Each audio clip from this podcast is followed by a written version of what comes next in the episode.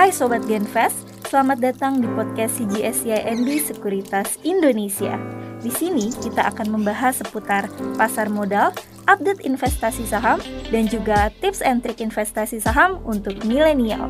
Stay tune terus ya di podcast Berani Berinvestasi bersama CGSCIMB Sekuritas Indonesia.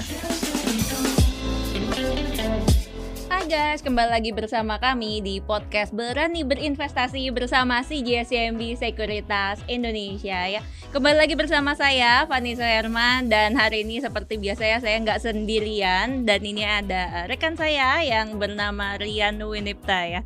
Hai Winip, apa kabar Winip? Ya, baik, baik, sehat, sehat. Yap, dan uh, semoga teman-teman juga ini dalam kondisi yang baik dan juga sehat ya. Dan kalau misalkan uh, teman-teman ingat nih ya, ini bukan pertama kalinya nih ya Winip main ke podcast Betul. kita nih ya kedua yep. kali kedua kali ya kedua kali. jadi kalau teman-teman inget nih uh, di podcast yang lalu ini Winip uh, menjelaskan mengenai gimana sih cara kita melihat uh, valuasi dari Goto gitu ya kemudian dari saham-saham uh, yang relate dengan teknologi nah memang uh, Winip ini analis yang luar biasa ya teman-teman jadi bukan cuma cover teknologi aja nih ya tapi uh, cover apa lagi nih Nip yang hari ini mau kita bahas hari ini kita bahas tentang uh, metals ya metals yep. Oke, jadi emang agak beda nih ya, satu teknologi, satu metals gitu ya. betul, ya. Tapi dua-dua di cover sama Winip nih. Betul. Aplaus dulu ya.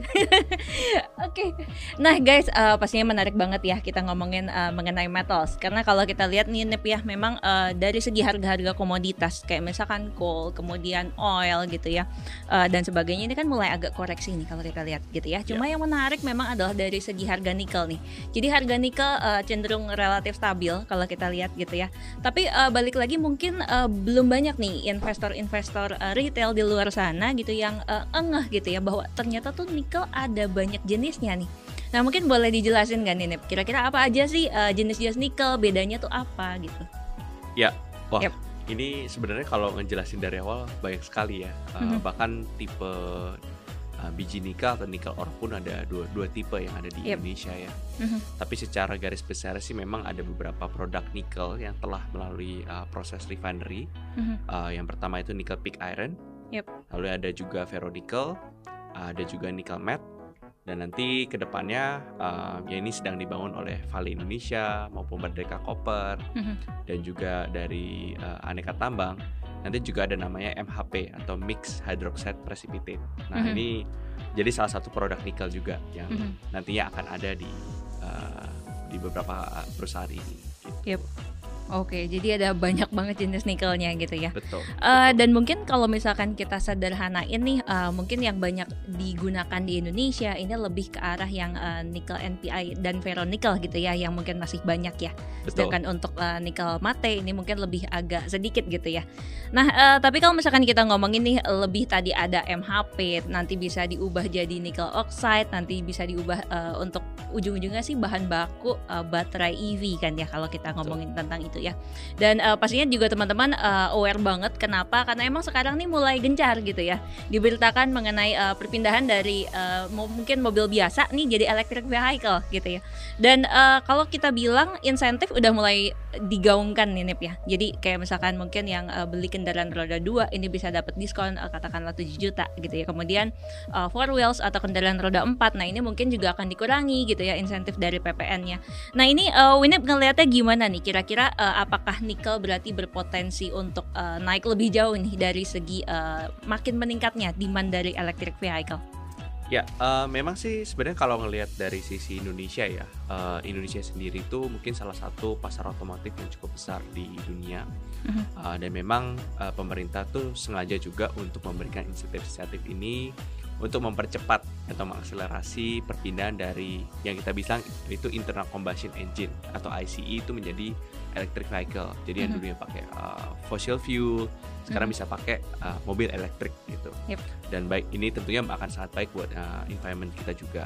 Mm-hmm. Uh, memang sih kalau dari sisi Indonesia ini sebenarnya masih agak sedikit ketinggalan ya kita bisa bilang uh, mm-hmm. untuk penetrasi electric vehicle-nya yep. dibandingkan negara-negara lain seperti di China maupun seperti di Eropa ataupun di US yang electric vehicle itu udah udah lebih common atau lebih mm -hmm. umum. Mm -hmm. Sedangkan di kita ini mungkin baru uh, permulaan lah kita bisa bilang.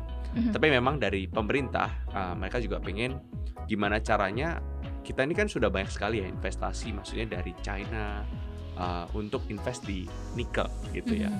Dan kita maunya pemerintah nggak mau stop sampai situ juga. Kita mau uh, nggak cuma di nikel, sampai nan- nanti mudah-mudahan bisa sampai baterai, Mhm. mudah-mudahan lagi bisa sampai di mobilnya. Mhm. Nah sebenarnya insentif inilah yang kenapa pemerintah itu sangat agresif ingin memberikan ke kita, Mhm. karena itu juga untuk menaikkan uh, demand yang ada di dalam negeri. Mhm. Jadi banyak nanti automaker automaker seperti mungkin Yep. kita bisa bilang Ford atau Yeah. Volkswagen itu mungkin bisa datang ke Indonesia maupun mungkin Tesla ya tapi kita jujur kita nggak tahu juga apakah Betul, bisa betul. atau tidak gitu Mhm.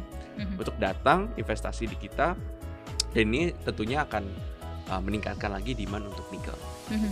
Oke, jadi itu ya penjelasannya teman-teman yang menarik banget nih.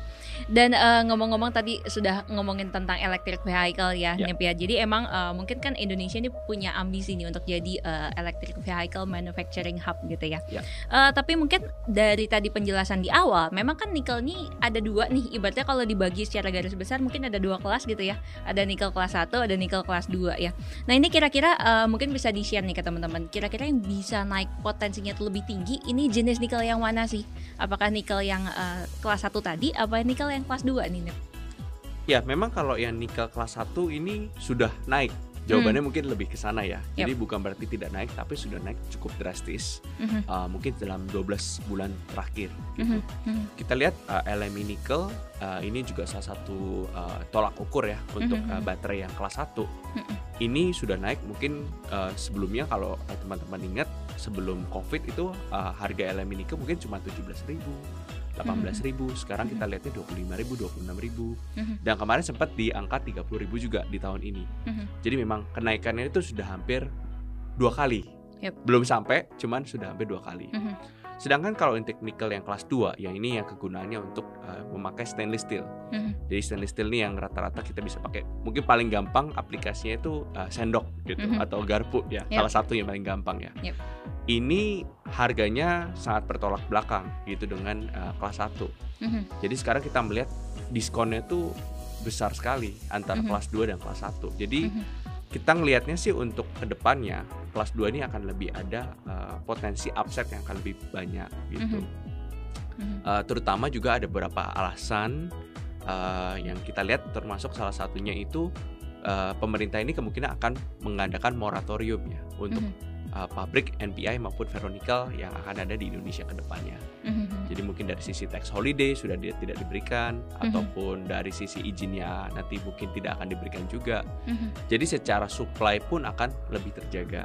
Mhm. Dan mulai banyak yang nikel kelas 2 ini mulai dikonversi menjadi kelas 1 Mhm. karena Mhm. premium yang sangat besar tadi gitu. Yep. Dan hal-hal inilah yang menyebabkan kita kenapa kita akan lebih sedikit lebih bullish ya untuk ya nikel yang kelas 2 ini. Oke, nah mungkin eh, buat teman-teman yang bingung, tadi kita juga belum jelasin ya nikel kelas Ya, 1 ini betul. apa, nikel kelas 2 apa ya. Jadi mungkin nikel kelas 1 ini lebih eh, masuk ke yang arah nikel mate atau ini yang dipunyai oleh eh, Inco gitu ya teman-teman. Sedangkan bisa eh, gitu. Yap, yang kelas 2 ini mungkin lebih relate ke arah yang NPI gitu ya. Ya, betul. Yang bisa digunakan tadi nih untuk uh, stainless steel dan sebagainya ya. Nah, nih uh, tadi kita ngomongin NPI mungkin uh, potensinya ke depan akan uh, lebih positif gitu ya, lebih naiknya cenderung lebih tinggi lah dibandingkan dengan yang uh, nickel mate yang relate dengan harga LMI tadi ya. Uh, kira-kira saham apa aja kalau gitu nih yang bisa uh, dilihat oleh teman-teman investor nih yang terkait dengan si NPI tadi? kita melihat ada dua saham yang eh, sebenarnya ada tiga, satu lagi Mhm. Merdeka. Cuman eh, kalau yang kita punya rekomendasi add atau buy Mhm. itu eh, hanya eh, Harum dan juga eh, Antam. Oke. Karena kita lihat Harum ini mereka dulunya merupakan pemain batu bara yang ada di Kalimantan Timur. Mhm. Sekarang udah mulai investasi Yep. juga di nikel, Yep. mulai diversifikasi, Betul. mulai komit juga untuk tidak lagi investasi di uh, bidang batu bara. Jadi Mhm. benar-benar nanti ke depannya akan menjadi full nickel player. Mhm, Dan kalau Antam pun karena mereka punya produksi uh, ferronickel, mhm, ini juga salah satu yang akan benefit dari kenaikan dari harga uh, kelas 2. mhm. Jadi kalau kita lihat mungkin dua itu yang akan paling benefit dari kenaikan ini. Oke, jadi itu dia ya teman-teman ya spellnya bisa dilihat antara uh, Harum dan juga tadi ada Antam ya. Nah, nih terakhir nih, Nip. Uh, mungkin banyak investor juga yang bertanya-tanya mengenai ESG-nya nih, karena Ya. kalau kita lihat dari segi uh, emisi karbon gitu ya. Jadi emisi karbon untuk NPI ini kan emang cenderung lebih tinggi nih dibandingkan dengan yang lain gitu ya. Ya. Nah ini uh, menurut kamu gimana nih kira-kira uh, cara dari company-company itu untuk bisa mengelola dalam hal ESG-nya nih? Uh, banyak cara. Uh, kita lihat beberapa company itu udah mulai coba untuk uh, membeli green certificate dari PLN. Hmm. Tentunya ini beberapa uh, tidak semua smelter itu yep. memakai PLN memang. Cuman untuk beberapa yang memakai mereka mencoba beli green certificate gitu. Hmm. Jadi uh, source atau sumber listriknya ini bisa dibilang tidak dari yang notabene yang yep. mengotori lingkungan gitu. Okay. Lalu ada juga seperti Vale Indonesia yang kita lihat ini jauh lebih mungkin uh, satu kaki lebih maju ya dibanding yang lainnya. itu adalah mereka akan membangun pabrik di Bahodopi itu ferronickel. itu mereka full memakai uh, liquefied natural gas. Jadi full memakai gas yang secara emisi itu mungkin kita bisa bilang 30-40% jauh lebih rendah dibandingkan pabrik NPA ataupun ferronickel pada umumnya. Mm-hmm.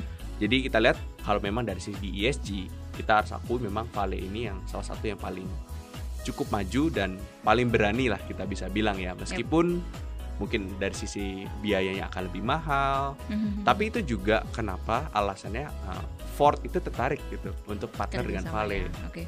Hmm. Karena mereka sudah ada dedikasi dari sisi ESG-nya. Yap, dan uh, asing ini emang concern banget gitu ya sama ESG ini ya. Betul. Yap, oke. Okay. Thank you banget nih untuk uh, waktunya. Jangan kapok-kapok main lagi ke podcast kita. Thank you. Kali ada coverage yang nambah, ntar kita undang lagi. Siap, siap. dan gimana guys, terukan perbincangan kita kali ini. Jadi jangan lupa untuk uh, ikutin terus kita ya di podcast-podcast berani berinvestasi selanjutnya ya. Karena kalau kalian nggak mulai investasi dari sekarang, mau mulai kapan? See you. Thank you, Nim. See you.